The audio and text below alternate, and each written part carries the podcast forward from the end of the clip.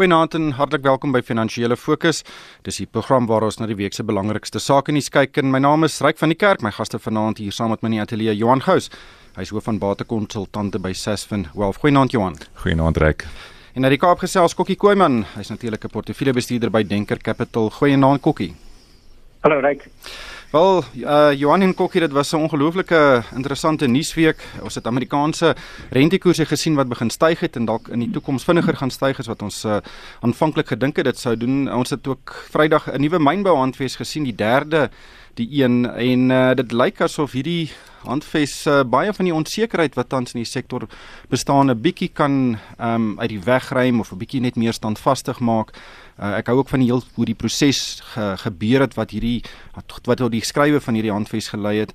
Uh, maar dan Johan het ons Vrydag gehoor dat uh, daar was kuberkrakers uh, wat by die Liberty Groep se rekenaarstelsels ingebreek het um, en van die inligting gesteel het van kliënte. En nou vir Liberty af pers daarmee hulle soek 'n groot bedrag geld om dat hulle nie hierdie inligting bekend maak nie.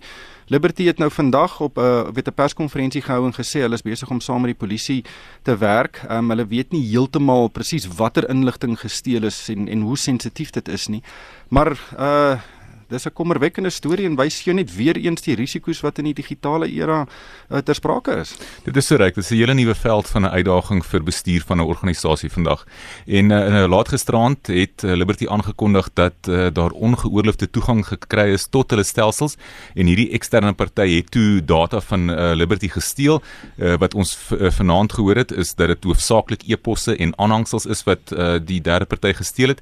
En uh, ja, soos jy gesê het, hulle wil nou miljoene rande se vergoeding hê. Liberty het ook vanaand gesê dat hulle geensins tot enige iets ingestem het met hierdie derde party nie.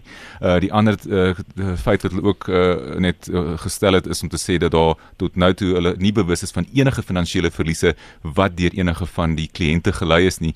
En die tipe van inligting wat 'n mens altyd bekommerd sal wees oor ryk is tipies die name, ID-nommers, jou selfoonnommers, e-posadresse en dan natuurlik ook wagwoorde. En ek dink dit uh, is baie belangrik nou vir Liberty om aan te hou uh, praat met met die groot belangegroepe. Ons praat hier van jou finansiële adviseurs wat baie vra het, natuurlik bekommerd is bekommerd is oor hulle kliënte en dan natuurlike kliënte self.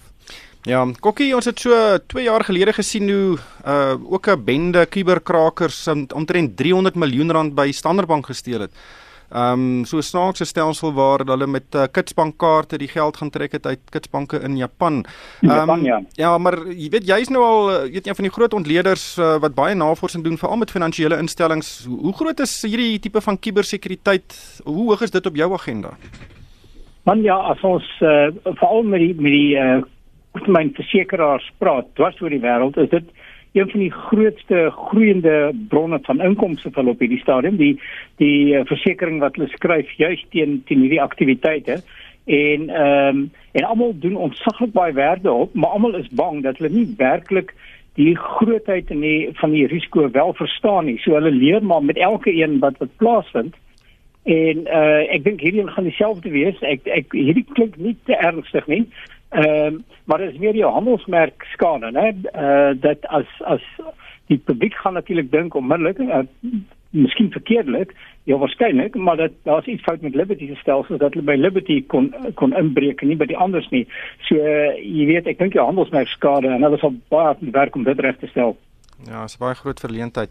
Maar Johan, kom ons gesels oor die mynbou handves wat sekerlik die die grootste gebeurtenis van die week was in die sakewêreld. Um, ons mynbou sektor is nou al vir seker bykans twee dekades uh eintlik die groot slagveld vir bemagtigingssekerheid in Suid-Afrika. Dis die sektor wat die meeste probleme ervaar het en ook altyd gewys word as 'n uitgewys word as 'n voorbeeld van waar beleid onsekerheid beleggings afskrik. Ehm um, nou dis die Gueremantash se se eerste poging om bietjie sekerheid in die sektor te kry. Dit lyk asof daar groot reërbrake gemaak is, eintlik min dinge waaroor die bedryf self heel baie ongelukkig is. Uh, maar vertel net vir ons vinnig, wat is die grootste veranderings wat ons nou in die hierdie handves sien teenoor die ene wat Msebenzi Zwane so 'n paar maande gelede op die tafel gesit het? Goed, Rex, so ek dink hierdie handves eerstens is die derde weergawe en sluit een van die kern kwessies van eenmaal bemagtig altyd bemagtig in. Uh die ander en ek sal nou daarby uitkom wat dit presies beteken. Die ander groot verandering was uh, en en voorheen was daardie beginsel uitgesluit deur meneer Iswane soos uh, uh dalk al vroeër genoem is. Ehm um, hierdie is nou nie meer 'n verpligtende uh tipe van uh handves waaraan die maatskappy moet voldoen nie. Daai klousule is uit die 2017 handves uh, geskraap. Uh dan ook die kwessie van 1% van dividende van uh, wat betaal moes word uit omset is nou nie meer omset nie, maar is nou uit wins.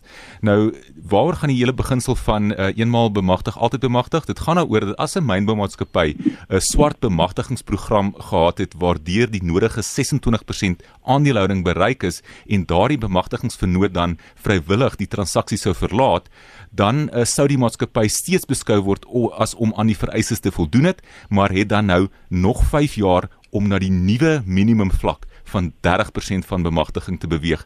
En ek dink ons kan nou maar net hoop dat hierdie voortsleepende kwessie in die howe nou afgehandel is en dat die mynbou sektor nou meer sekerheid sal kan ervaar en meer beleggings uh, sal kan sien.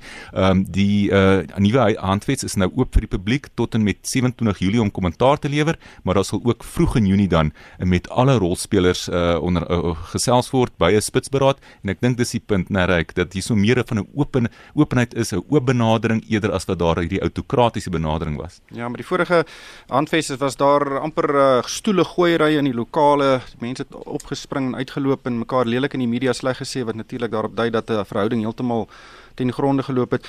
Maar uh, Kokkie, uh, wat dink jy? Dink jy hierdie kan besekerheid in die mynbou sektor uh, meebring en hopelik mense kry om weer geld uh, te belê om nuwe myne te gaan soek en, en te ontwikkel? Ek ek dink daar is baie skade gedoen en ehm um, weet buitelandse beleggers gaan miskien eers wel meer sekerheid hê en en seker maak dat dat hierdie beleid nou bly en dat maar maar 'n groot stap in die regte rigting.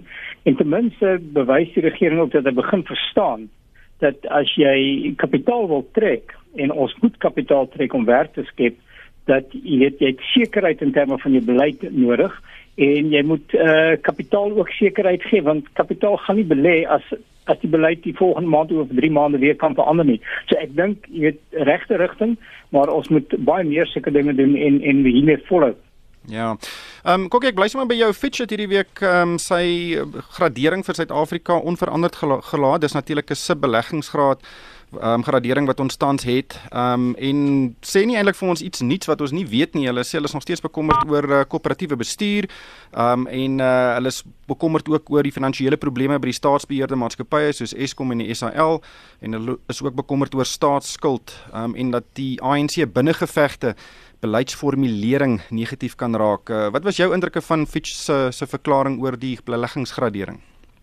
Ja, ek dink soos jy sê, niks wat ons nie verwag het maar beide hulle en die IMF e het het standpunte in die, in die taal wat hulle gebruik het in in die sin was jy weet 'n waarskuwing uh, en dat baie sterk boodskap dink ek ook aan regering dat die huidige beleid verkeerd is en nie groei sal bewerkstellig en nie werk werk sal skep nie. Ja, en ek dink so daar was 'n oproep dat ons moet uh, beleid verander en meer jy dinge doen wat werk gaan skep en en ophou om onsekerheid uh jy weet te saai en dis dan so ek dink daar het die het die ehm um, die handves die mynbehandves het ook was 'n klaar stap in die regte rigting maar ek dink er moet baie meer gedoen word om om om werk te skep Ja, ek weet net uh, daarbey aan te sluit. Ek dink daar was ten minste ook goeie goed geweest. Daar was erkenning van Fitch uh, oor positiewe elemente soos die feit dat ons 'n gunstige staatsskuldstruktuur het, 'n plaaslike skuldinstrumentmark met diepte, 'n sterk banksektor en ook ook sterk instellings. En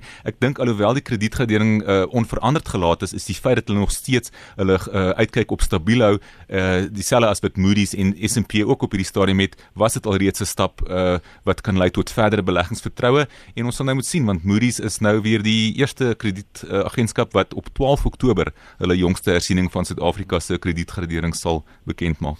Wel seker nog iets waar die, na die graderingsagentskappe gaan kyk is die beerkrag wat ons hierdie week naweek skielik weer gesien het. Ons het gedink dis agter ons, daar's genoeg krag. Daar is 'n bietjie uh met probleme by Eskom met die loononderhandelings, maar dit is nogal vir my verbasend dat dit so vinnig gegaan het van 'n relatiewe stabiele posisie weer terug na luister gaan sit af jou swembadpomp. Ja, reg en elke nou en dan gaan ons 'n bietjie hierdie uh, ruk terug na 'n uh, realiteit kry en ek dink dit is maar net een van die goed waarmee ons gaan mee saamleef as gevolg van byvoorbeeld die hele kwessie van staatskaping. Uh, minister uh, Trevor of meneer Trevor Manuel het nou gesê, jy weet dit gaan ons ekonomie 10 jaar vat om te herstel. Die van uh, dit kan dalk langer wees. Uh, maar dit is een van die tekens ongelukkig. Ehm um, Kokkie, weet elektrisiteit is natuurlik 'n baie belangrike deel van enige ekonomie, maar die kommer oor beerdkrag en daai uh, hoe dit beleggers ook kan afskrik speel ook 'n rol. Is jy verras met die die die hoe vinnig ons uh, teruggesak het na 'n uh, scenario waar daar gereelde beerdkrag kan plaasvind? Ja, dit is dit is teleurstellend en maar veral ook ek dink die die manier waarop die loonsonderhandelinge ook ehm uh, jy weet aangepak is. Uh ek net die feit dat soms 'n paal bo water dat Eskom te veel personeel het. So jy weet as as ek 'n konsultant vir hulle was ek gesê het man gaan na die vakbonde kry die vakbonde bymekaar saam met bestuur en sê manne ons het 'n probleem. Ons moet ten minste 10% sny, maar as ons as jy maar 10 of 12% van ons werk mag sny, dan kan ons die res 'n 4 of 5 of 6% salarisverhoging eh uh, gee. Julle moet kies.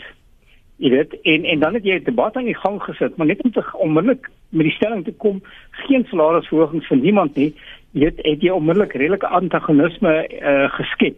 So ehm um, en die, en die beurtkrag natuurlik ook deel van staking en ook van van vandalisme.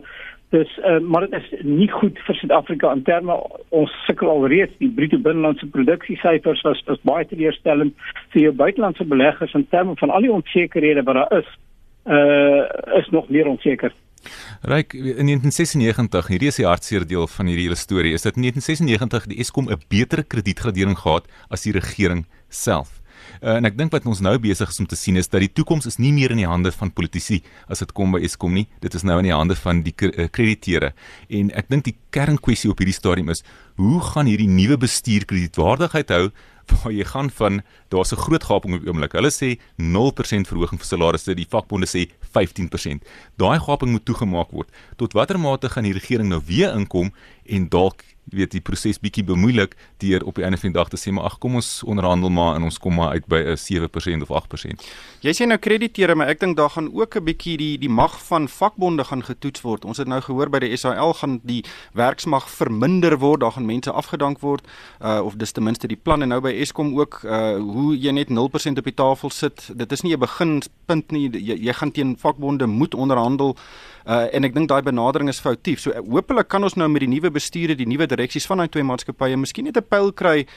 Hoe sterk is die vakbonde nog want tot nou toe die afgelope hele paar jaar het vakbonde in baie gevalle die kitaar geslaan uh by loononderhandelinge en altyd gewen. Ons kan ook sien nou die 7% wat die staatsdiens gekry het uh, nie lank gelede nie. Ja, reg maar en, en, en ek dink dit is goed as jy vakbonde het en hulle verteenwoordig die werkers en dit is reg en nou jy moet net probeer in 'n posisie kom waar jy ten minste konstruktiewe onderhandelinge het. Maar ek dink die een ding wat hier so duidelik is, reg, tariefverhogings kan nie die enigste antwoord wees vir Eskom op die pad vorentoe en hulle finansiële probleme nie. Hmm. Kokkie, um, ons het ook gesien in Amerika uh, is rentekoerse verhoog. Um, dit is as verwag, maar daar's sprake dat hulle dit dalk in die in die nabye toekoms vinniger kan opstoot as wat ons aanvanklik gedink het en dit het natuurlik 'n impak op die res van die wêreld en veral op ontleikende markte waarvan ons een is. Wat dink jy gaan gebeur en en hoe dink jy gaan dit ons raak? Nou die die, die Federale Reservebank het natuurlik aangekondig dat eh uh, die die ekonomie bly steeds sterker groei en dit is eintlik nie onverwags nie as gevolg van die die belastingsnitte wat wat wat die regering aange uh, wel in, in werking gestel het. Dus uh, hulle praat van nog twee rentekoersverhogings van jaar 25 basispunt elk, maar dan nog vier volgende jaar en dan te gelykertyd ook iets wat nog nie van tevore gedoen is nie, gaan hulle ook die balansstaat inkrimp. Dus dit beteken jy kry eintlik 'n uh, 'n tightening van monetary policy soos ons uh, jy sê. Dus ehm um, dit gaan dit het 'n redelike impak op op natuurlik veral opkomende markte en ook Europa en en jy kon dit sien oral het het het, het geld in die weer verder bietjie verswak. Ehm um, en maar dit plaas druk veral op lande met swak balansstate en ons dink aan Argentinië, Turkye, Brasilië en dan ongelukkig ook Suid-Afrika uh wat 'n redelike groot skuldlas het en geld in die buiteland in dollars moet leen. Dit plaas druk op hulle om rentekoerse te verhoog.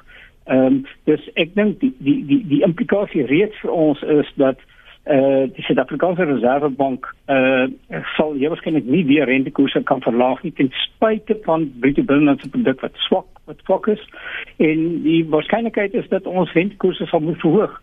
Indien ons nie gaan verhoog nie, dan is die kans dat die rand verder verswak.